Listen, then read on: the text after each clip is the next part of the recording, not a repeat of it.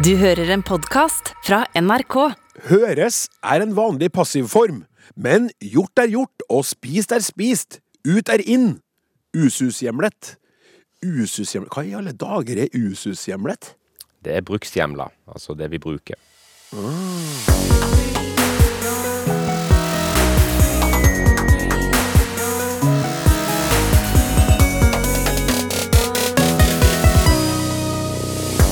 Hvordan høres det ut for deg når jeg sier 'føles ut'? Går det an å bli stadig mer død? Vi tar ei lita diskusjon om eh, litta. Og hva skjer med bymålet når det blir invadert av dialekter? Det er klart for Lytterspørsmål spesial! Språksnakk med Klaus Sonstad. Hei hvor det går! Omtrent tre fjerdedeler av mai måned er allerede unnagjort, og det betyr at vi i dag kan by på en flunkende ny utgave av språkforskernes desiderte favoritt, Lytterspørsmål spesial. Du som hører på lurer, og ekspertene svarer. Genialt enkelt, ganske enkelt genialt. Utafor NRK Tyholt i Trondheim blir våren stadig mer grønn og frodig. Sammen med meg her i Studio 13 sitter tre, jeg skulle til å si språkblomster. Anne Dahl, Mari Nygaard og Terje Lundal. Velkommen. Takk, takk. Takk, takk. Ja, I dag har jeg trukket lodd, da. Rett etter 17. mai det her, så jeg ble litt inspirert. Jeg trakk lodd, jeg trakk lodd og bestemte hvem som skal begynne. Og den som vant, eller tapte, alt ettersom, det var deg, Terje. Tusen takk. Vi har så lenge brukt floskelen 'høres ut' at den nå er lovfestet. Hvorfor noe høres ut, er ikke nærmere forklart av de språkkyndige. Høres er en vanlig passivform. Men gjort er gjort, og spist er spist, ut er inn, usushjemlet. Men nå skjer det noe skummelt. Jeg føler en snikende uro.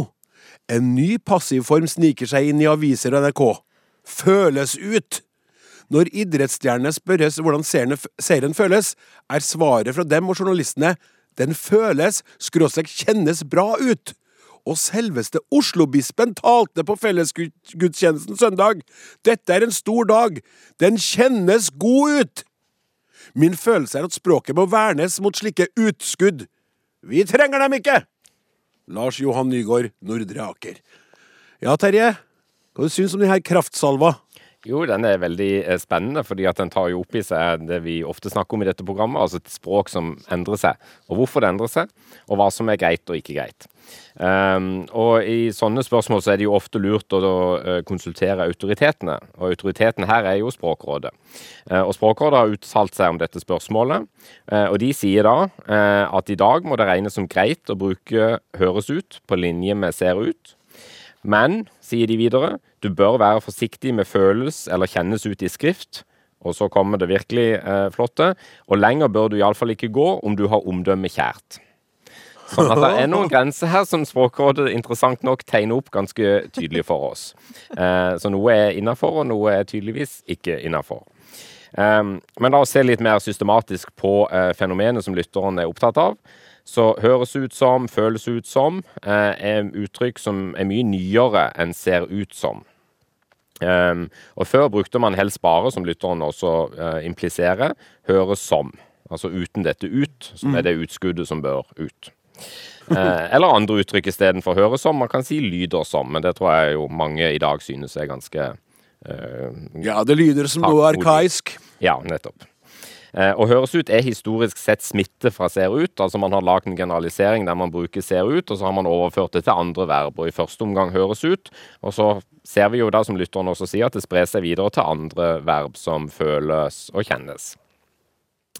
Men det er interessant å legge merke til at uttrykket 'høres ut' begynner å bli ganske gammelt. Eh, og denne varianten er nå vanligere enn den uten ut.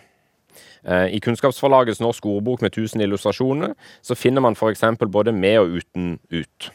Eh, så de sier som f.eks.: Så rart det enn høres, bla, bla, bla. Og så sier de også det høres litt rart ut. Sånn at det er ganske godt etablert.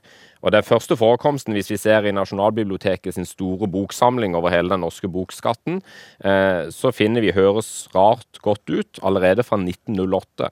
Så det er mer enn 100 år gammelt. Så høres ut er ikke spesielt nytt, og kanskje noe vi ikke skal ergre oss for mye over heller, da. Bare, bare litt. Ja, bare litt. eh, og så har det da skjedd den utviklingen som lytteren er inne på, der høres ut fortrenger høres. Og denne utviklinga fremmes av det vi kan kalle en vekselvirkning også. Fordi at når f.eks.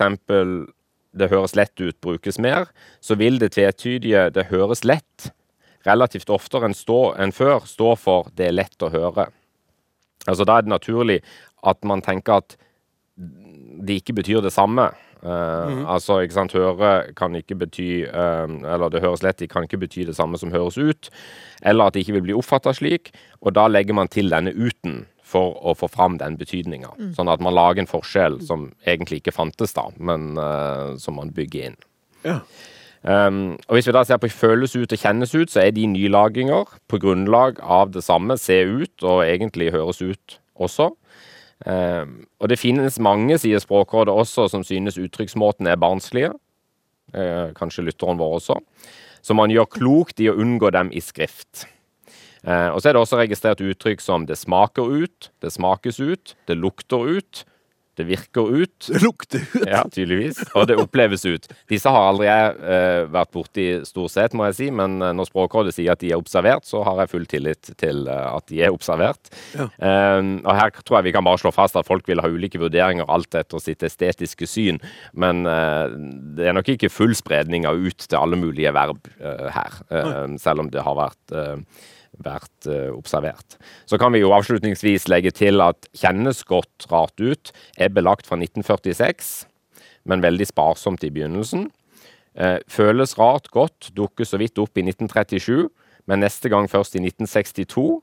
Og da bare for å få det glatte lag av André Bjerke og Riksmålsforbundet i skriftet 'Hva er godt riksmål?' spørsmål og svar. Eh, og Bjerke svinger faktisk svøpen over alt som ikke bare ser ut, og kaller det barnslig. Men så kan man jo legge merke til at eldre riksmålsikoner som Knut Hamsun og Fridtjof Nansen likevel kom i skade for å skrive 'høres ut' i sin tid. Du verden. Sånn at det er en lang historikk her, og uh, det er ikke så nytt som man kanskje kan tro at det er. Og det har nok eh, kommet for å bli. Terje, tusen takk for en veldig fin utgreiing. Da går vi videre til deg, Mari, uh, og da skal jeg lese opp en, en liten setning først her. De siste årene har Amta skrevet om den stadig dødere fjorden. Mm. Hei igjen! Takk for god underholdning på radio podkast. Ovennevnte sitat er fra Akershus Amts Amtstidene i dag 11. mars. Jeg trodde ikke det gikk an å gradbøye død, selv om det vel går an å være halvdød. Ei, ei heller gravid, ja. Eh, men jeg tok visst feil, i alle fall når det gjelder det første. Dette er nok en ikke-sak, men jeg syns den var litt morsom, da. Eh, god helg, skriver Ingrid. Syns vi òg. De siste årene har Amta skrevet om den stadig dødere eller dø dødere fjorden, da. Ja. ja stadig dødere, ja.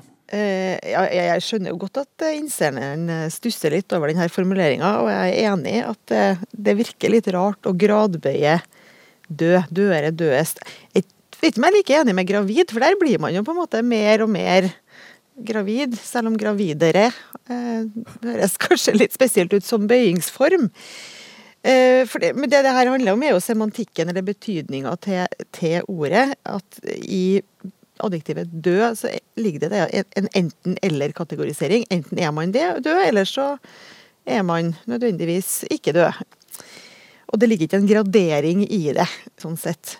Man kan på en måte ikke være døder enn noen andre, eller dødest, osv.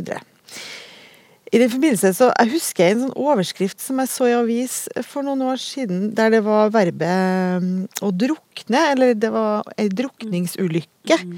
Der overskrifta var eh, 'overlevde drukningsulykke'. Mm. Eh, og den ligner litt på det her, syns ja. jeg. fordi jeg stussa veldig på den sjøl. For, for meg tenker jeg at drukne, da har du jo på en måte drukna. Da er du, har du omkommet. Mm. Så du kan ikke samtidig overleve, samtidig som du drukne. Nei. Nei. Så det blir litt det samme. Og så tenkte jeg kunne nevne det her i en del språk, eh, sånn som fransk og italiensk, så har man Det ligner litt på noe man har to fortidsformer av verb. Der den ene eh, fortidsformen som innebærer noe som skjer én gang, litt sånn punktuelt, og da er man ferdig med det. Det kalles gjerne perfektum. Mm. Og den andre er noe som skjer igjen og igjen over tid, på en måte, som kalles for imperfektum. Sånn som å sove, f.eks. Man kan sove og sove og sove, men der å dø kan man på en måte ikke. Det blir veldig rart å bruke imperfektum på dø. Det, igjen, man gjør det liksom en gang for alle. Man sier liksom ikke han døde og døde og døde og døde igjen. Nei. Det skjer, og så blir man på en måte ferdig med det. Med mindre han er en katt da, og gjør det om og om igjen og har ni liv. Men jeg husker Bertrand Besige, som var en av dere dikterne rundt Ja. Ari Behn. Han hadde jo diktet 'Og du dør så langsomt at du tror du lever'. Nettopp. Ja.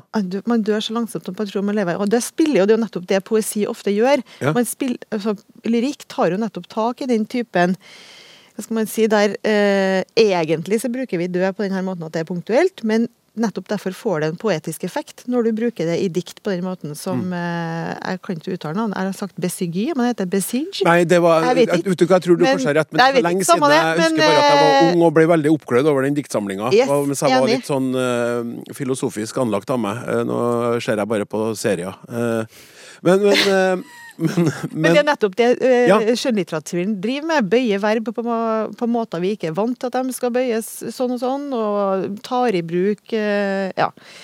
for, for det er sånn som her, da, så syns jeg jo Jeg får jo et bilde med en gang ja.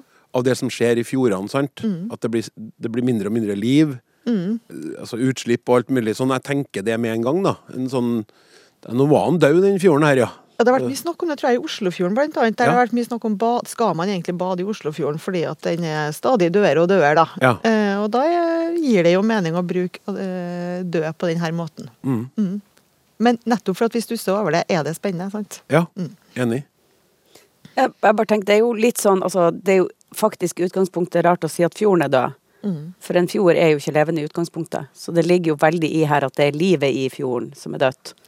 Og da gir det jo mening å si at det blir stadig dødere, for det er stadig mer av livet i fjorden som, Som dør. dør, ja. er vel det som egentlig ligger i betydninga Mm. Ja. Så da kan man plutselig bruke det sånn. ja. Og Fint at du meldte deg på der, Anne, for det neste spørsmålet det går til deg. Ja, se der, ja. Kjære Språksnakk. Jeg hører ofte og med glede på Språksnakk. Så langt har jeg til gode å ha hørt dere snakke om det jeg tror må være en anglisisme, nemlig bruken av rundt i stedet for som oftest om, men også over, for eller lignende. I løpet av få dager har jeg samlet et knippe eksempler, stort sett fra programmer på NRK radio. Oi, oi. Det er masse her, da, men jeg tar noen, da. Det er det betydelig interesse rundt. Bevisstheten rundt hva som er greit og ikke. Snakke mer rundt dette. Myter rundt sukker, faktisk. Økende oppmerksomhet rundt kvinnehelse. Konflikt som dreier seg rundt osv. osv. De fleste med norsk som morsmål oppfatter sikkert hva som menes, men det er upresist og kan misforstås. Det kan også bli ufrivillig morsomt når noen f.eks. sier at de snakker rundt dette svært viktige temaet, for da tør de vel egentlig ikke å snakke om det. Det jeg lurer på, er altså om rundt brukt på denne måten kommer fra engelsk, og om det vil etablere seg som akseptert norsk. Selv kommer jeg aldri til å si at jeg irriterer meg rundt dette, men jeg kommer fortsatt til å irritere meg over det, selv om normen endrer seg. Jeg håper jeg får høre deres refleksjoner om dette, med vennlig hilsen Ann Therese Lodrington. Ann Therese, ditt håp er hørt. Ja, nei, eh, man skal jobbe hardt for å finne språkbruk som jeg irriterer meg over. Eh, her har hun greid det. Å, Eh, at, gratulerer, Ann Therese! Da, da, da, da, da, da.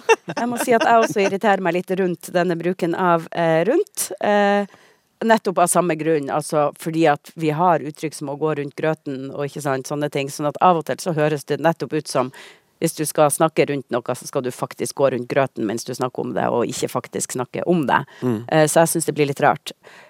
Jeg tror nok ikke at jeg er villig til å kalle det en anglisisme, fordi at det, altså det er jo veldig ofte om som, som hun påpeker, som, eh, som erstattes med rundt. Og om på engelsk er noe about, ikke around. Eh, men engelsk har også da preposisjonen around, som er, er rundt. Eh, og jeg irriterer meg nok like ofte på engelsk over bruken av around, eller til og med surrounding, når det det skulle vært var. Så discussions surrounding this issue, eh, når de kunne sagt discussions about this issue, on this issue. Og så googla jeg litt da for å sjekke om jeg har nå ikke engelsk som morsmål, så det kunne jo hende det bare var inni mitt hode. Men morsmålsbrukere av engelsk irriterer seg akkurat om samme bruken av around. Sånn at eh, Jeg vet ikke helt hvor det her kan tenkes å komme fra, men noen ganger så kan jeg på en måte så gir det mening å, å, bruke en vagere preposisjon hvis man tenker på det her med diskusjoner rundt kvinnehelse. Hvis du sier diskusjoner om kvinnehelse, så går du rett på at det er faktisk kvinnehelse du diskuterer. Men hvis du sier rundt kvinnehelse, så kan det også dreie seg om større kjønnsperspektiver som har spilt inn på mm. hvordan vi ser på kvinnehelse. Altså Noen ganger kan det være en god mening med å si rundt, for man mener ikke bare om temaet, men også tilliggende tema og andre tema mm. som kan henge sammen med det. Så det kan være en god mening med å bruke rundt. Og så føler jeg litt, uten at jeg helt kan belegge det, at man kanskje overbruker det da for å gjøre ethvert tema litt større, og må huske på at det er så mye på spill her, så det er ikke bare akkurat dette temaet vi skal diskutere nå, men alt rundt. Og så blir det en litt sånn akademisk jålerimåte å snakke på, kanskje. Mm. Sånn som jeg oppfatter det, som skjer kanskje mer sånn transspråklig, transnasjonalt, i både norsk og engelsk og sikkert mange andre språk, uten at det egentlig kommer fra engelsk til norsk. Eh, at, at, man har begynt å snakke sånn på mange språk, sannsynligvis da i ganske internasjonale settinger, så kan jo hende vi påvirker hverandre på tvers av språk med å gjøre det, men, men jeg vil ikke kalle det en anglisisme, det vil jeg ikke, for det er like gærent normativt sett i engelsk som i norsk å gjøre det, og som sagt tydeligvis like irriterende for de som snakker engelsk som det er for oss som snakker norsk. Noen andre som har noen tanker rundt det her temaet? Nei.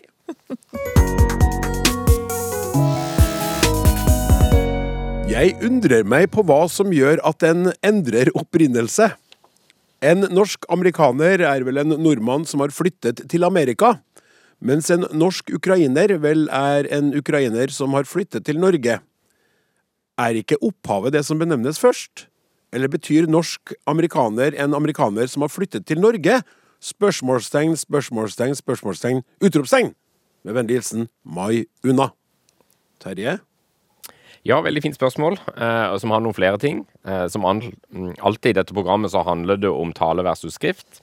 For det lytteren er inne på her, har vi egentlig ganske gode verktøy for å markere i skrift, og i tale så blir det som alltid litt mer komplisert. Men i bunn og grunn så tenker jeg at dette handler om ord som er sammensatte, og ord som ikke er sammensatte. Så la oss begynne med det første eksempelet. En norsk-amerikaner er jo en amerikaner med norske aner. Det er jo et etablert begrep som har blitt etablert etter utvandringen til uh, USA, som begynte på 1800-tallet. Uh, eh, sånn at det er på en måte ett ord, en sammensetning, uh, som har en klar betydning. En norsk amerikaner, sagt på den måten med litt overtydelig uttale, er jo kanskje f.eks. en amerikaner som har blitt norsk, gjerne vil bosette seg i Norge. Jo, jeg trives veldig godt. Ja, for eksempel. eh, og det samme gjelder jo egentlig for det andre eksempelet også, selv om der har vi ikke den samme etablerte bruken foreløpig. Men en norsk ukrainer kan være en ukrainer med norske aner. Så hvis historikken med masse, hvis nordmenn hadde utvandret til Ukraina i stort omfang, så hadde vi kanskje hatt norsk ukrainer som en sammensatt form i norsk som vi var godt kjent med, på lik linje med norske amerikaner. En norsk ukrainer eh, en, f.eks. en ukrainer som har blitt norsk, gjerne ved å bosette seg her. Sånn at vi får flere kanskje etter hvert norske ukrainere nå pga. verdenssituasjonen, enn vi har hatt eh, tidligere.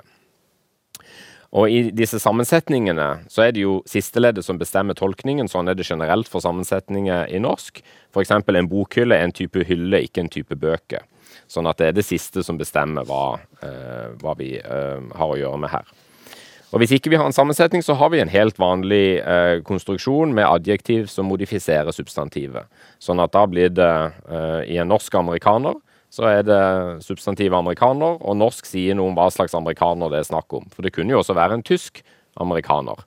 Eller en hvilken som helst annen amerikaner, for den saks skyld. Eh, og akkurat på samme måte med det andre eksempelet til eh, lytteren. Så i begge tilfellene så sier eller i disse tilfellene sier norsk noe om hva slags amerikaner eller ukrainer vi har med å gjøre.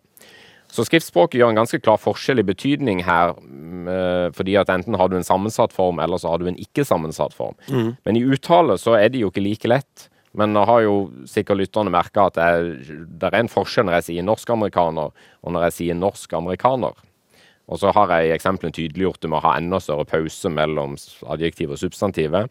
Eh, men vi markerer jo en forskjell når vi snakker om dette også, fordi at sammensatte former har ofte en litt annen tone og trykk enn adjektiv etterfulgt av et substantiv. Thank you veldig mye. Mari, vi går til deg nå, eh, og det er et spørsmål som er knytta til en sak Husker dere den saken som politiet trodde var en drapssak, og så viste det seg at det var ei dukke som de fant? Ja. Ja. Han Den er unngått så- å få med seg den, tror jeg. Det var en godbit av en sak. Eh, ja. Spesielt siden det var ei dukke, så det var, det var lov til å flire og sånn, ikke sant? Startet som en Jeg drapssak. vet ikke om alle involverte syntes det var en god bit av en sak, det- det- men for eh, leserne var det det. Ja. Ingen var død. Nei, det er jo bra. Ingen var død, men kanskje politiet døde litt inni seg. Ja, av f- Kan førerrett. være. Hvordan var det egentlig? Hvor står politiet her? skriver eh, Hildegunn Rabløs. Vedlagt eh, bildet av teksten. Når pakken er helt åpna, innser politiet at de ikke lenger står overfor en drapssak. De står overfor ei påkledd dukke. Forvirra lytter eh, ja, Hildegunn Rabløs. Eh, Og jeg kikker bort på deg, Marie. Ja, hvor, eh, hvor står politiet? Mm. Ja, altså helt konkret, det, her handler, det er ordet 'overfor' som er brukt to ganger i samme setning. Og som eh, altså, Overfor kan bety at du står helt sånn konkret eh, vis-à-vis noen. At du kikker på dem, at de er rett foran deg. på en måte, Overfor på den måten. Det er ikke over og under, for da er det ovenfor. Men at du står altså helt fysisk plassert. Men så kan vi jo bruke 'overfor' i overført betydning. Eh, sånn at det betyr eh, ja, i forhold til eller mot eller eh, ja, ikke så fysisk konkret. Og det er akkurat det som skjer i denne setninga. At når Først så brukes det i overført betydning. De står overfor en, overfor en drapssak som er Ja, de jobber med den drapssaken. Og så i neste så det, står de overfor ei påkledd dukke. Og det gjør de jo på en måte både i overført betydning og helt konkret, da. Eh, den er jo helt konkret, den her påkledde dukka som de jo fant inni alle lagene eh, med, med innpakning. Så jeg lurer på om det som skjer her, er at vi får en litt sånn smitteeffekt mellom de to brukene av overfor innad i samme setninga, og at du drar med deg den her abstraherte betydninga fra førsteleddet over i Når du får overfor for andre gang, så har du fått med altså, Ja, da var det jo brukt sånn der i stad, men og nå kjenner jeg på nytt, og da altså, Du får liksom en sånn språklig effekt av det, tror jeg. Det virker jo som det er et ønske om å spille, litt, spille akkurat på det. da. Jeg du tror det, sier, at det, nettopp. det er en sånn overfor en drapssak, overfor en påkledd dukke. Sånn Ja. For å få den her Det var en drapssak. Nei, det var ikke det. Det var ei dukke. Ja, Så kanskje rett og slett journalisten har eh, leka seg litt med språk. Det kan være. Det, det- er faktisk det er fortsatt journalister som gjør det. Ja, og det det er er, hyggelig at de gjør. Pris, ja. Ja, Selv om arbeidspresset er hardt, og det skal lages eh, saker til både nett og papir, og de skal jo filme seg sjøl når de står der Klipp skal de overfor den drapssaken og greier. Ja. Tusen takk skal du ha. Hvis du var i tvil, kjære lytter, så hører du på Lytterspørsmål spesial. Tre topptente språkforskere er sammen med meg i studio, og vi er godt i gang. Har du et spørsmål som du har lyst til å sende inn til oss, så bruker du e-postadressen snakk krøllalfa.nrk.no. Hei, Språksnakk! Jeg følger opp innlegget mitt fra vårparten i fjor, der jeg, der jeg uttrykte bekymring for fremtiden til bokmålet, bymålet, som snakkes i mange av de store byene her i landet. I episoden der innlegget mitt ble tatt opp, ble det nevnt at temaet kanskje burde få sin egen episode. I påvente av en eventuell episode, for den har jo ikke kommet da, tydeligvis. Hvem som sa det, egentlig? Var det vi, var det vi som sa det, ja? ja. Jeg tror det. I påvente av en Du var her sikkert, i hvert fall. Høres ut som vi kan skylde på Terje. jeg, jeg var her, men var jeg egentlig til Nei, men, nei, nei, men vi, vi Altså, hun skriver det veldig hyggelig. Det, vi tar ikke oss for det. Bare si at i påvente av en eventuell episode kommer en liten oppsummering og noen flere refleksjoner. Så det er en fin måte å gjøre det på. Lite sånn forsiktig spark bak. I Norge, som i andre land, flytter unge fra distriktene til byene for å få jobb og ta utdannelse. Mange bosetter seg fast i byen. Med på lasset er dialekten, som en del av identiteten man naturlig nok ikke vil gi slipp på. Kan denne invasjonen av dialekter i byene føre til at bokmål generelt, både som tale- og skriftspråk, svekkes? Ender vi opp med et eh, nasjonalt blandingsspråk, der det meste av tale og skrift tillates, og i mine øyne blir det totale kaos? Da kom den lille. Ja. Det hadde jo vært interessant å høre hva språkforskerne mener om dette. Er jeg den eneste som bekymrer meg? Med vennlig hilsen, da, som sagt, Ingrid Grimelund. Jeg syns det er et spennende spørsmål, og jeg skjønner godt at jeg har venta på en oppfølger. Her sitter dere, noen.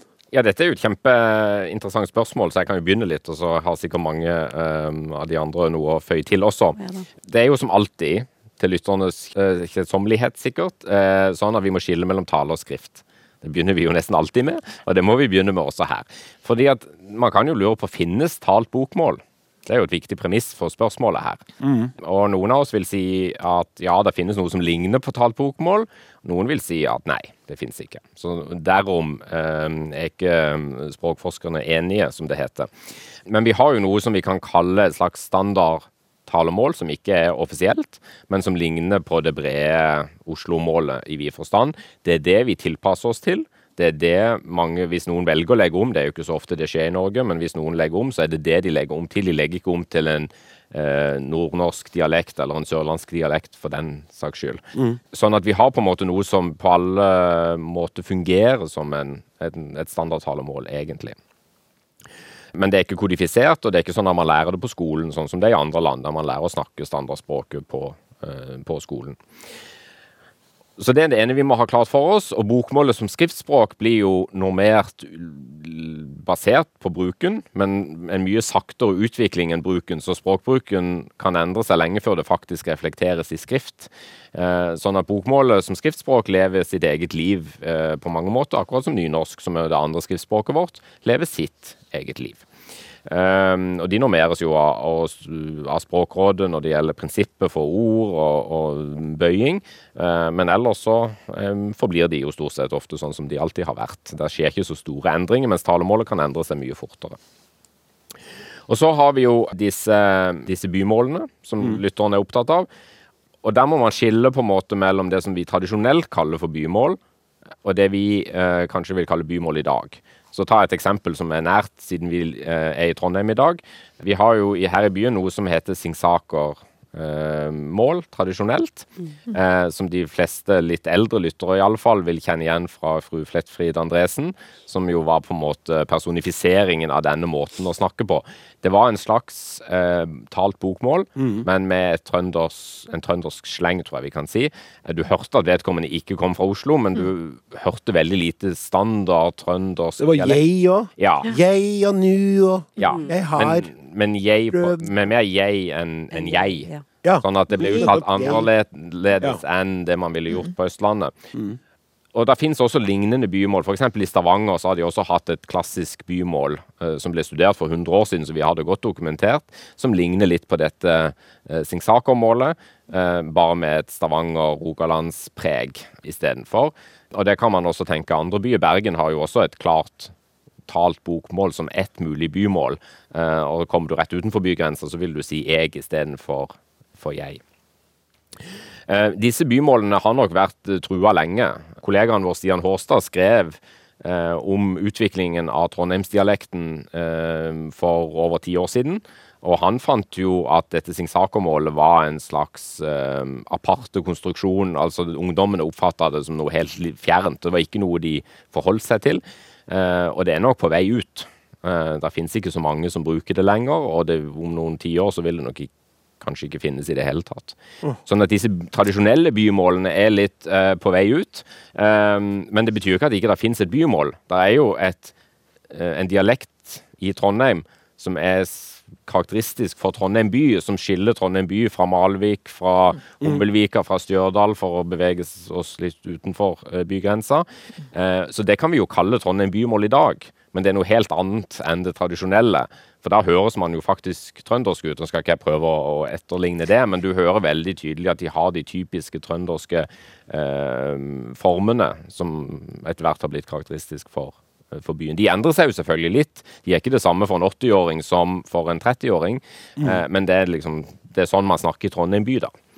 Sånn at eh, det, er lite som tyder på at det blir kaos.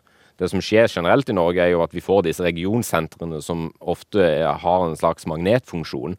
Sånn at det blir, i Bergen, så rundt Bergen så blir ting litt likere Bergen, selv om mange nok ikke vil innrømme at det er det som påvirker, men det er det vi ser. Eh, For eksempel har vi jo nettopp vært i Stavanger og samlet inn data til dette store grammatiske kjønn-prosjektet som jeg har snakka om på dette programmet før. Og da finner vi altså, dette kan vi jo røpe eh, allerede nå, at eh, både barn og voksne har i stor grad, men det er mye variasjon også, en jente og jenten. Så de beveger seg veldig mot det typiske Bergenssystemet, men alle er skjønt enige om at det er ikke Bergen som påvirker. Eh, og sånn kan det nok være mange steder. Altså, vi ser de rundt Stavanger, eh, rundt Bergen og Stavanger, Kristiansand, Trondheim, Tromsø, Bodø. Mange av de store byene har liksom denne magnetfunksjonen, der de gjør ting litt likere. Men det blir ikke noe kaos. Alt dette er relativt forutsigbart. Vi kan også forutsi hva slags former vi får eh, i mange tilfeller. Sånn at det er på ingen måte noe kaos, og det er egentlig ikke noe å være bekymret for heller. Fordi at dette vil ikke påvirke bokmålet på lang, lang tid, i den grad det vil påvirke det. Eh, og hvis man skal være bekymret for noe, så er det jo heller at det er litt trist for mangfoldet at de tradisjonelle bymålene, altså Singsaker-målet, er på vei ut. For det er jo en rikdom at vi har mange forskjellige varianter i seg selv, og de er da på vei ut. Så det kan man jo være lei seg over, men, eh, men det er ingen kaos, eh, så vidt jeg kan se iallfall, som etablerer seg. Nei, men det du sier der, da, det med at den magnetfunksjonen For det er jo også flere og flere som flytter til byene. Da i den, den magnetfunksjonen tilsier at det er noe som blir borte. Ja, og mange av de tradisjonelle bygdedialektene forsvinner jo litt i dragsuget eller blir påvirka. Fordi at mange av oss som kommer fra et lite sted som har en tydelig dialekt, vi endrer jo litt når vi da flytter til byen og får en litt annen, annen dialektform. Og jo, hvis veldig mange gjør det, så blir det jo færre igjen til å snakke og vedlikeholde den tradisjonelle dialekten. Så da skjer det, f.eks. Ja. Jeg syns jeg hører en del ungdommer som, eh, som flytter som i kraft av studier og den typen ting, da, og som flytter til større byer, og som veldig gjerne vil beholde dialekten. At det, det på en måte framstakka som en veldig positivt lada ting å, å gjøre. Sånn at jeg hører uttrykk som at eh, jeg, jeg, hun er flink å holde på dialekten sin. Hun er flink, altså, ja. Det er ikke nødvendigvis en villa utvikling at man har lyst til å nærme seg en sånn standard eh, i et sånt regionsenter, men at den, det skjer jo likevel, da. Mm. Jeg kjenner opptil flere som har holdt på nordnorsken sin. Unge, unge i min familie, familie blant annet, og andre som jeg kjenner via dattera mi. Og de, de snakker jeg, jeg vil jo ikke da klare å høre om det er da tilpassa litt, men det er nordnorsk. ikke sant? Det, de er bevisst, akkurat som du sier, Mari, på at de vil snakke det. De kom hit ganske ung til Trøndelag og eller Oslo, men de har holdt på det fortsatt. Det var kanskje mer vanlig før. Jeg vet ikke hva du tenker.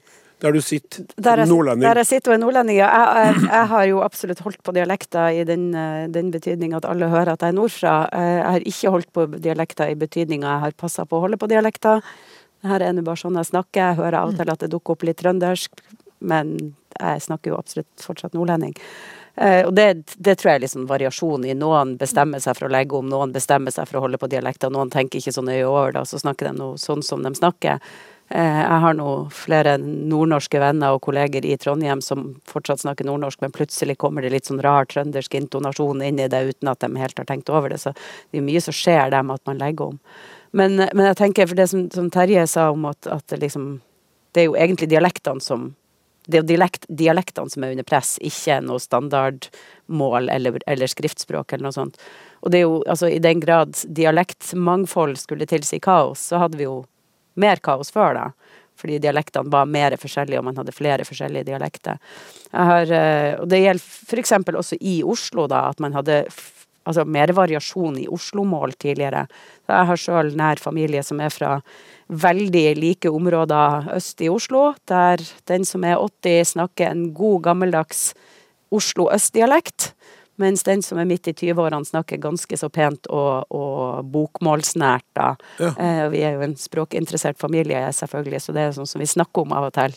Eh, og det, det er altså at den her unge personen snakker enormt mye penere i mine ører da eh, enn en den eldre personen. Eh, selv om da den unge personen har jo da også trekk fra det her nye Oslo-målet som er påvirka av sånn multi etnolekt, altså der flere språk og, og språkblanding og sånn har blanda inn. sånn at der har vi fått et litt nytt talemål i Oslo som særlig en del eh, eh, unge mennesker i øst kan, kan snakke. da. Ja. Eh, eller kan, i hvert fall kan veksle mellom det og, og standardspråket. Og det er jo noe Så- som kanskje ikke skjer lenger opp på Østlandet, på en måte. Uh, altså Lillehammer har jo de unge veldig beholdt veldig lite av den tradisjonelle dialekten, Ja. mens de eldre kan du nok finne noen som snakker på en litt annen måte.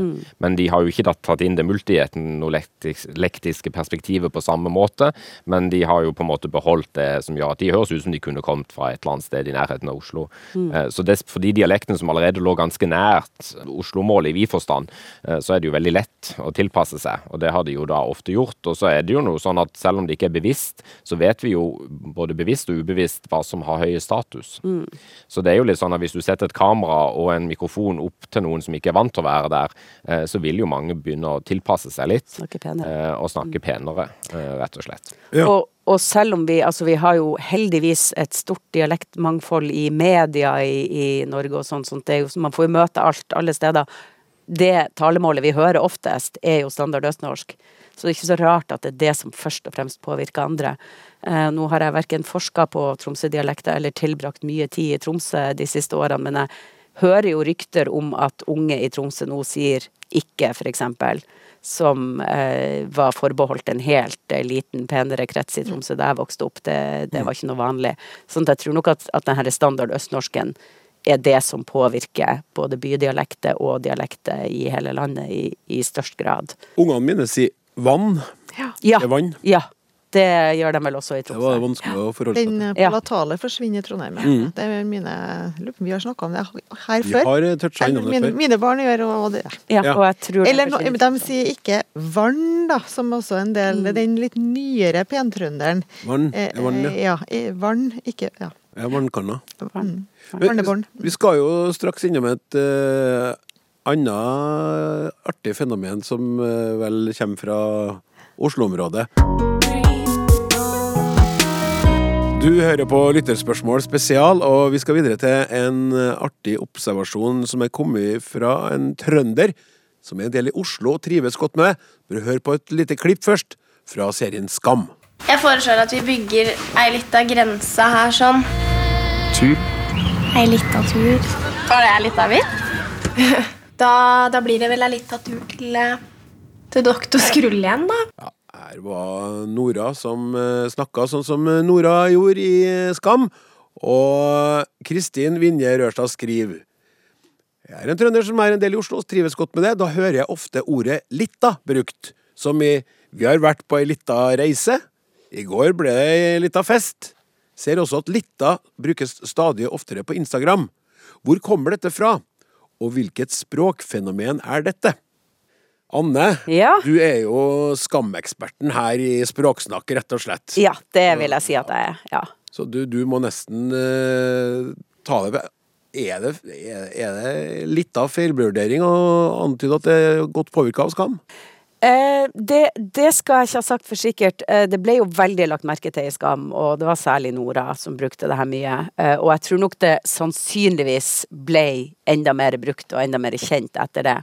Jeg kan jo snakke for meg sjøl, jeg har nå begynt å i alle fall skrive som Skam eh, ganske mye. Jeg klarer kanskje ikke å snakke som Skam, for sånn høres jeg ikke ut. Men jeg, altså, vi tok jo opp mye, selv vi halvgamlingene tok jo opp mye språkbruk fra Skam, bare for at det var så gøy. Men, men det er jo samtidig så var jo Skam var jo veldig godt eh, forberedt, det var gjort god forskning på forhånd her for, å, for språkbruken i Skam, sånn at det, det som de språkfenomenene som skjedde der, var ikke ting de fant på, det var ting som ungdom faktisk sier, og i stor grad da skuespillerne sjøl kunne gå god for at det her var sånn de faktisk snakka. Den lå jo nært opp til virkeligheten. Ja. Og det er folk som har eh, undersøkt det her, litt av fenomenet ordentlig. Eh, annet to stykker på Universitetet i Sørøst-Norge, Guro Nore Fløgstad og Eliane Eiesland. Eh, Og de sier det at de fant de første eksemplene på denne bruken av sånn ei lita eh, på Twitter i 2009. Og de fant at på Twitter så pika det litt i 2012. Da var det veldig mye brukt. Det er jo da et ganske så ferskt språkfenomen. Det for ofte snakker vi om 40-tallet, som Terje Mm. tidligere sånn da. Sånn, det, det, å, det er ferskt, det er ferskt. Ja. Her er jo helt sånn. Det er fortsatt holdbart. Det ser sånn Så ut. Jeg så noen, så noen i et kommentarfelt som mente at nei, det her husker de fra veldig langt tilbake. Så jeg skal ikke garantere at det ikke kan ha funnes før, men det virker som det er ja, et nytt språkfenomen. Og, og det er klart da, hvis det var veldig stort i 2012, så er det ikke så unaturlig at det ble enda større gjennom en TV-serie i 2016. Det er nå tross alt eh, ganske kort tid. Altså Akkurat hvor det kommer fra, det, det vet jeg ikke, men, men det, er, det er nok nytt, og, og absolutt eh, spredd videre av skam. Eh, og det er jo litt rart eh, språkfenomen, fordi at ei lita er jo helt åpenbart hokjønn. Altså du har artikkel ei, og du har lita istedenfor liten. Som, som helt tydelig da signaliserer hokjønn for substantiv på norsk.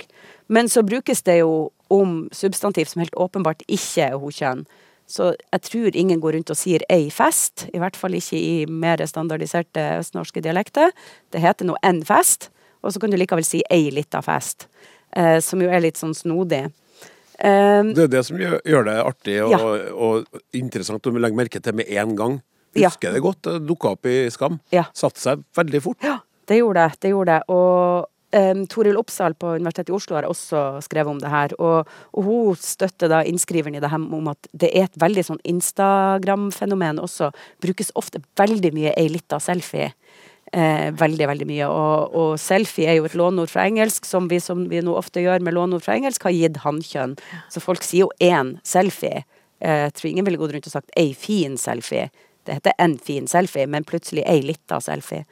Um, så det Toril Oppsal sier, er at denne ei lita-formen brukes kanskje som et litt sånn skjold for å beskytte seg sjøl litt. Man sier ei lita selfie Kanskje ikke den var noe fin, og kanskje ingen kommer til å like denne selfien. Så jeg sier ei lita selfie, sånn at det ikke skal fremstå som jeg syns sjøl den var helt fantastisk. Og så kan man si som vi skal ha ei lita fest. Jeg vet nå ikke helt, I tilfelle den ikke kommer så mange ganger, ikke blir så gøy, så kalte vi den ei lita fest. Eh, Så man bruker det som et sånt skjold for å beskytte seg sjøl litt. litt sånn, sier det på en litt sånn søt måte, for å ikke blåse opp hvor fantastisk denne selfien eller denne festen er. Ja, og så slår det meg at det også kan brukes sånn at du driver og tar ganske mye selfier. Men når du sier litt av selfie, så jeg tar bare, litt av, en sånn, Mm. Ja. tar bare en Ja, liten selfie. Men du driver og bombarderer, egentlig. Men du, Ja. du bare sånn, gjør det litt sånn jeg, jeg, Nå kommer det enda en. men Det er enda en litt av selfie. Ja, Ja, det kan hende det. det, kan hende det. Ja. Um, og, og det som de her to, eh, to som har sett på det fra, fra Universitetet i Sørøst, uh, sier, er at de syns at eh, det eh, ligner veldig på det som i andre språk kalles en diminutivsform. Eh, altså andre språk kan bøye substantiv med en endelse, for eksempel, for å gjøre den til liten. Så på tysk så har du sånne endelser som kjenn og line, som gjør noe lite. Det er jo der ordet medkjenn kommer fra på tysk. Det er egentlig da fra medel, og så medkjenn liten jente. Ja. Eh, og jeg må si jeg bruker nå det produktivt sjøl i, i Norge, å, eller i norsk. Jeg liker å putte line på, på navnene til folk, så jeg kunne sagt sånn Mari Line, så er det sånn litt sånn liten Mari, litt, og da blir det litt sånn kjærlig. Ja. Eh, og det, de her diminutivformene brukes ofte litt sånn kjærlig og litt sånn humoristisk. Mm Og på en sånn litt sånn artig måte, og da passer da det her ei lita veldig, eh, veldig godt inn i det. De sier også videre det da, at det er jo også interessant å, å merke at en del språk former sånne diminutivsformer ved å bytte kjønn på substantivet. Sånn at du kan f.eks. bytte på, eh, kjønn på et substantiv fra hankjønn til hokjønn, og så blir det en diminutiv. Så de trekker den, den koblinga. Eh, problemet her er at jeg tror jo ikke på at man har bytta kjønn på de substantivene man setter ei lita foran. Eh, fordi at man kan ikke bruke de her ordene i hokjønn uten akkurat adjektivet lita. Eh, Så selv om du kan si ei lita fest, så kan du ikke si ei artig fest. Eh, Du kan ikke si ei stor fest. Da er det alltid hankjønn, og du kan ikke si ei fin selfie. Eh, sånn, at, sånn at jeg tror det er mer en sånn frøssen form. Eh, også som vi jo snakka om tidligere, så, så er jo så Det her er et Oslo-fenomen særlig. Og det er jo nettopp Oslo som i stor grad har mista hokjønnsform i ei og a-endinger på adjektiv, som, som aldri ville sagt ei lita for å faktisk beskrive størrelse på noe. Eh, Så dermed så tenker jeg at den formen har blitt litt sånn stående fritt til å bruke som en sånn litt sånn artig form, litt sånn diminutivsform, som, som brukes for å legge noen følelser i det. Det er bare ei lita selfie. Jeg vet ikke du, Terje, som nå har forska på kjønn, om du, om du er enig i, i Jo, regjeringen. absolutt. Eh, og så ser vi jo også at uh, hunnkjønnet står nok svakere i mange deler av landet enn det har vært antatt eh, tradisjonelt. Eh, og det brukes jo også dette fenomenet, selv om det kanskje kommer fra utspring i Oslo-området, så brukes det jo nå over hele landet. Eh, og det vi jo ser hvis vi ser på andre land, er jo at idet et kjønn er i ferd med å dø, eller i ferd med å forsvinne ut, eh, grammatisk kjønn vel å merke, eh, så, eh, så kan det få nye funksjoner. Eh, og det har de jo egentlig fått her, at det har fått denne diminutivsfunksjonen, hvis vi kaller det det. Eh, og det er ganske typisk. Det har vi også sett i finlandssvensk. Før hunnkjønnet forsvant der, så fikk det en sånn renessanse med en helt ny pragmatisk funksjon, egentlig. Og det er kanskje det vi også ser litt her. Mm. at det er egentlig ytterligere styrke til at hunnkjønnet som tradisjonelt hunnkjønn er på vei ut, rett og slett. Jeg Mm. jeg syns jo det er artig at det er en trønder som påpeker det her, da, for at jeg kan tenke meg at det ikke er så mye i bruk i trøndersk, i hvert fall blant voksne. Fordi at voksne trøndere har jo enda i overkant mye hokjønn, mange av dem. Ja. Eh, jeg mener, trøndere kan jo fort si både ei bil og ei eple, så da, da er det kanskje Det blir ikke like markert å slenge den her elita på så mange ting. I hvert fall hos voksne trøndere, men, men som vi vet, så, så unge trøndere driver altså og slutter å bruke grammatisk hodkjønn. Eh, også i trønderdialekta, da. Det er jo viktig å påpeke at det er grammatisk kjønn vi snakker om her. Det har ingenting med biologisk kjønn eller, eller noe utradering av kjønn å gjøre. At Det er bare ren grammatikk. Og så er det kanskje en forskjell i hvor mye man bruker det muntlig, og hvor mye man bruker det skriftlig i sosiale medier. For det er veldig ofte man kan få en snap eller se det på Instagram ikke sant, med to t-er i skrift. da. Og det tror jeg mange bruker det mye mer eh, på den måten enn de gjør muntlig. Eh, fordi at det kan jo ha en sammenheng med flere ting, men jeg tror i hvert fall at det er et mer skriftsvanlig fenomen kanskje i andre deler av landet enn av de grunnene du, for, de, på grunn av det du sier. Ja, jeg kunne nok finne på å skrive det. Jeg kan finne på å skrive veldig mye ting som kommer fra skam. Men jeg kan ikke finne på å si det, for det høres altfor kort Jeg er fullt på skamkjøret seks år etterpå, ikke kommet over det. Men, men sant, jeg kan ikke si de samme tingene. For jeg høres jo ikke ut som Nora om jeg setter livet på det. Sant? Jeg høres jo helt annerledes ut. Men jeg kan skrive litt som Nora. Det kan jeg klare. Ja. Så det, det kan nok hende at en del bruker det mer skriftlig. Altså, jeg kunne sikkert ha funnet på å poste ei lita selfie. jeg. Det, Ja. Men Du er jo det, det det, som- Trondheimsmålet som, for jeg er som voksen trønder, jeg bruker det jo ikke aktivt i mitt, mitt, språk. Men hvis jeg skulle ha gjort det, så har jeg jo et skille mellom Jeg ville ha sagt ei lita. Jeg har jo lita som form, med lang i og kort t, mens det her er lita. Så det vil jo få altså, Det er to forskjellige ord, ja. rett og slett. Derfor det blir så dobbelt for oss når vi sier det. Når Ja, vi hiver oss på og sier ei lita Lita, selfie, så ville vi jo sagt Hvis vi skulle ha sagt det, ei lita selfie. Ja. Men, ja, så, Ja. så det, det det er noe rart som skjer for oss trøndere med den eh, Ja. skamsjargongen. Ja, for det der er lita, uten at jeg er noen dialektekspert, oppfatter jeg som en sånn gammel Oslo øst-form, at de sa det med to t-er. Oslo-losen, ikke sant? Bestemora mi kunne sikkert ha Ei sagt lita vandring nedover Akerselva. Litt- Nemlig. Så, det er så, litt så det påpeker det her at man har henta opp et eller annet som fremstår som litt sånn rart og arkaisk, og så slengt det inn og gitt det en ny og, og spennende betydning. Jeg, jeg syns jo særlig det er gøy at det er ei lita selfie, da. For her har man så henta seg selfie fra engelsk, dette fryktelige engelsk som kommer og tar oss, og så har man slengt på noe som er gammelt og godt og ordentlig norsk, og laga et nytt uttrykk som er blitt veldig kult å bruke hele tida. Det syns jeg er veldig gøy. Og det lille ordet 'lita' førte til en så stor og fin diskusjon. Det er også kjempe... Litt av diskusjonen om lita. Eh, skal vi se. Her er vi Ja, der var vi. Hei, Språksnakk. Takk for et interessant og ofte humorpreget program. Jeg har følgende spørsmål. Jeg leser og hører ofte en måte å uttrykke noe på som jeg mener er ganske ny. Får vi se, da. Det her er jo interessant. Ikke sant? Noen lytter mener det er ganske ny. Er det da 2009 ny, eller er det 1836 ny? For eksempel leser jeg i dag Hun mistet fire barn til sult. Og jeg mistet moren min til kreft. Der jeg ville sagt på grunn av, sies det noe til. For meg høres dette veldig underlig ut, i og med at til til nå har vært brukt i andre sammenhenger enn denne. Kan dette ha oppstått fordi man nesten har sluttet å bruke verbet dø når man går over til mistet, som kanskje lyder mindre hardt, begynte noen å si til, altså mistet til, der man før ville sagt døde av. Det jeg lurer på, er om dette er et språklig uttrykk som aksepteres i skriftlig norm. Aha. Også signaturen er, med vennlig hilsen ei som prøver å følge med på nye trender, selv om hun ikke jubler for alt som kommer. Terje, vær så god. Jo takk. Eh, Dette er jo godt eh, observert, og Språkrådet har også uttalt seg om dette spørsmålet. Og som vanlig er det godt og trygt å lytte til hva de har å si, så svaret mitt kommer til å være basert på det de også har, har sagt om dette. For jeg er enig i veldig mye av det de eh, sier, at det er snakk om et nyere oversettelseslån. Så dette er 2009-ny og ikke 1836-ny, eh, hvis vi skal ha den dikotomien. Eh, og vi kaller ofte slike lån for anglisismer. Eh, Og da er det gjerne sånn at du skal prøve å unngå de i skriftlig arbeid. Så Språkrådet anbefaler faktisk at lærere skal rette det i eh, stiler Ja. eh, og skriftlige tekster. Og så er det jo sånn at eh, ja, journalistspråk og andre tekster er ikke like strengt redigert som de en gang var. Eh, så den, Språkrådets anbefaling vil vel kanskje bety at det burde vært redigert, men det sniker seg nok inn veldig mange steder, selv om det kanskje burde vært eh, tatt Vi har ikke mer en korrekturabdeling. Nei, nettopp. Sånn at det vil nok etablere seg på, i skrift også hos skoleelever, hvis ikke det har gjort det allerede. Det har jeg ikke undersøkt, eh, etter hvert.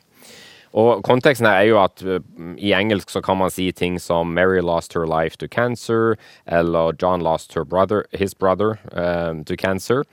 Norsk bruker tradisjonelt død i sånne sammenhenger, som leseren også sier. Marie døde av kreft, f.eks. Og Dersom vi ønsker å si noe om de etterlatte, så kan vi si uh, Peter døde av kreft og etterlot seg broren John, f.eks. Og Språkrådet er også inne på noe som jeg tror kanskje mange lyttere tenker på. og Det er at det føles veldig direkte å si at Marie døde av kreft, eller hvem det er nå som, som dør. Men de sier jo også at dette er en helt akseptabel og vanlig formulering, og vi bør ikke være redd for å bruke den, eh, rett og slett. For hvis mange begynner å pynte på denne formuleringen, så vil det endre kravene til omtale av dødsfall. Og da kan det faktisk bli litt vanskelig å uttrykke seg presist om noe som er ganske viktig. Ja. Så når eh, vi bruker verbet dø, så sier vi samtidig at det var et tap. og Derfor trenger vi egentlig ikke å bruke miste for å tydeliggjøre det. Men det er noen kontekster der det kan brukes, der vi har tradisjonelt brukt miste også på norsk. Og de er nok mer tradisjonelle. F.eks. da hun mistet onkelen sin, hadde han enda ikke fått vaksine. For et eksempel som jeg bare har laget. Eh, men det er også mulig å si at man mister noen i en hendelse eller ut fra en ytre omstendighet så man kan si Jon mista kona i barselseng, eller f.eks. Jon mista kona i covid-19. Så det går an. Og Vi kan også bruke 'miste livet', men det er litt annerledes enn på engelsk, fordi på norsk så gir vi ofte andre presiseringer enn den umiddelbare dødsårsaken. Altså Vi mista det ikke pga. kreft, men man kan si de mista livet i koronapandemien. Eller man kan si færre mistet heldigvis livet i trafikken i fjor. Mange mistet livet under andre verdenskrig, f.eks. Sånn at det er noen tilfeller på norsk der vi bør og kan bruke miste, men så er det jo da disse nye som helt klart er inspirert fra engelsk, som vi eh, nok i god skriftlig prosa bør unngå inntil videre. Men de er jo på, i full blomst i det muntlige språket og vil nok vil min hypotese være eh, snike seg inn i skriftspråket etter hvert. Så det er ikke sikkert at i en lytterspørsmål spesial om 20 år at den som sitter i stolen her, ville sagt det samme som jeg sier nå. Kanskje er det da gjengs. Men den som lever, få se. Ja, jeg tror det er ganske sannsynlig at du sitter her, men om jeg sitter her, det er et helt annet spørsmål, eh, kjære Terje Londal. Eh, takk skal du ha. Dette spørsmålet er vel også knytta til engelsk til norsk, faktisk. Eller i hvert fall antyder da mm. lytteren det. Hei! Takk for flott program. Noe jeg har lagt merke til. Unge folk sier for eksempel 'det er veldig simpelt' om at noe er enkelt. De kan jo ikke det. På norsk blir det jo helt feil. Skjønner at engelske ord blir mye brukt. Syns det er greit å krydre talespråket, men dette ordet passer ikke inn. Med vennlig hilsen språkinteressert dame. Språkinteressert dame, jeg vet ikke om du vil få full støtte fra forskerne. Jeg er spent sjøl, men ofte så sier de jo at ja, de får si det sjøl. Ja, vi får se sjøl. Tusen takk for spørsmålet, sier vi først. Og så eh, må jeg nok eh, nyansere og si at begge de her betydningene er lista opp i eh, den normerte ordboka som vi har da. Der du kan bruke simpelt både som tarvelig eller dårlig, og du kan bruke simpelt som enkel og alminnelig. Så begge finnes. Men den, i norsk er den første av dem kanskje vanligst. Det vi først og fremst tenker på når vi hører simpel, er noe som er litt sånn negativt assosiert. Og så er det sånn at i engelsk, i hvert fall meg bekjent, jeg er ikke morsmålstaler av engelsk, men jeg tror ikke den dårlige, tarvelige betydninga er så utbredt i engelsk. Jeg tror ikke den finnes noe særlig. Så i engelsk betyr simple eh, rett og slett enkelt, da. Du er jo inne på noe av at det her handler om lån fra engelsk, men det, her, det virker som det er en med engelsk føring på hvordan det skal forstås. Altså det er engelsk føring på betydninga i det som har blitt lånt inn. Og så gjør det det her litt sånn rotete at vi allerede har et norsk ord som da har den her doble betydninga i utgangspunktet. Så det ja, litt mange boller i lufta her, da. Og Generelt så er det jo sånn at vi låner jo støtt og stadig eh, ord fra andre språk. Og i stor utstrekning låner vi jo fra engelsk, og vi bruker dem på norsk. Og så låner vi innimellom òg inn betydninga av engelske ord og bruker dem på norsk. Sjøl om det på norsk kanskje opprinnelig hadde en litt annen betydning. Ja, F.eks. kan vi ha ordet opsjon, som vi vet betyr forkjøpsrett. Mens noen, noen ganger brukes i betydninga som et alternativ eller et valg. Kanskje fra det engelske option. Om du har noe mer å tilføye for det her? På det her Anne? Ja, lite, lite grann. Nei, for det, akkurat det siste du sier der, er jo, er jo veldig typisk. At altså, vi har ordet på norsk, men det betyr én ting, og så låner vi på en måte ikke ordet, men betydninga fra engelsk. Um, og en kollega av oss som heter Anne Mette Sunde, har skrevet en hel doktoravhandling om de ikke så åpenbare påvirkningene som engelsk har på norsk. Den heter til og med skjult påvirkning. Um, og da kaller hun denne typen lån for indirekte lån. Og har f.eks. eksempelet akkurat opsjon, som hadde en helt spesifikk betydning på norsk før, men som ligner såpass på det engelske option at vi har lånt inn hele betydninga av engelsk option. Og det kan du jo si at kanskje har skjedd her med simpelt. Da, at simpelt bruk, altså betyr mye mer bare enkelt på engelsk. Så vi har bare lånt betydninga inn i det norske ordet simpelt. Eh, hun har en del andre eksempler, f.eks. at man eh, kan på norsk si at 'jeg kjøper den', som bare betyr eh, 'ja, jeg godtar det argumentet'. I'm buying it. Eh, så det er en sånn ny betydning av å kjøpe. Adressere. Bare for noen helt få år siden så mente at det betydde bare å enten skrive på en konvolutt, eller i hvert fall å rette noe mot noen, altså adressere spørsmålet til deg. Mens nå kan man også adressere et spørsmål, som betyr å ta opp spørsmålet, eller å, å omtale det.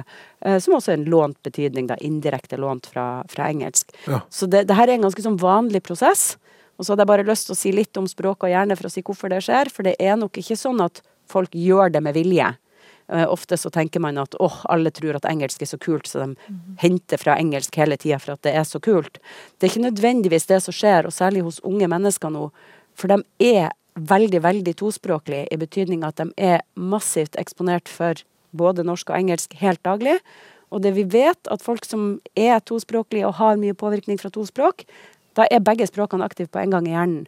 Det er helt umulig for sikkert alle oss her å snakke norsk uten at engelsken er å liksom vake litt i hjernen vår.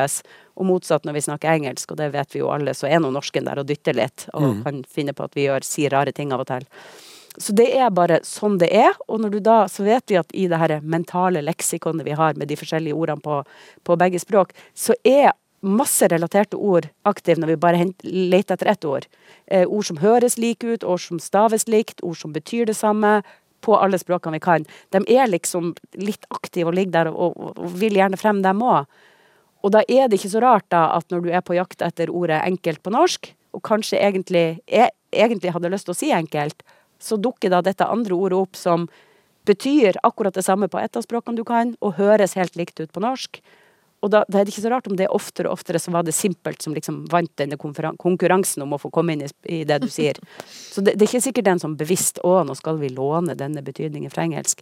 Det er sånn som skjer når man er flerspråklig. Og så på sikt da, så blir kanskje den betydninga av simpelt Det kan man jo spå inn i det- Ja. mm. Og det er ingen grunn til at enkelt forsvinner av den grunnen. Vi kan godt ha synonymer, det har vi nå godt med på norsk allerede. Så kanskje vi bare ender opp med synonymer.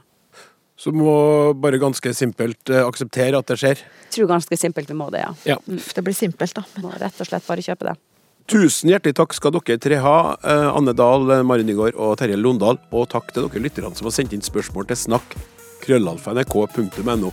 Eh, om en måneds tid så blir det en ny lytterspørsmål spesial, så ingen grunn til å nøle hvis du sitter og lurer på noe. Tekniker Morten Lyn, produsent Hilde Sal og Klaus Sonstad er takknemlig for at du bruker tid på Språksnakk. Vi snakkes!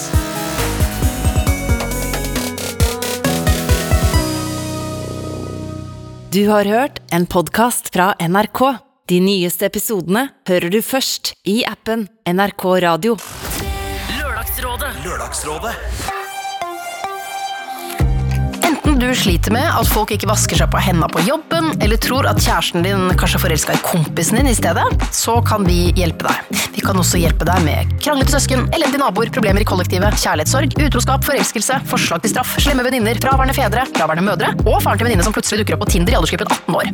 Og ikke minst, hva gjør man når man ikke tør å bæsje på hyttetur med kjæresten, men ender opp med å kaste bæsjen så den henger fast i busken?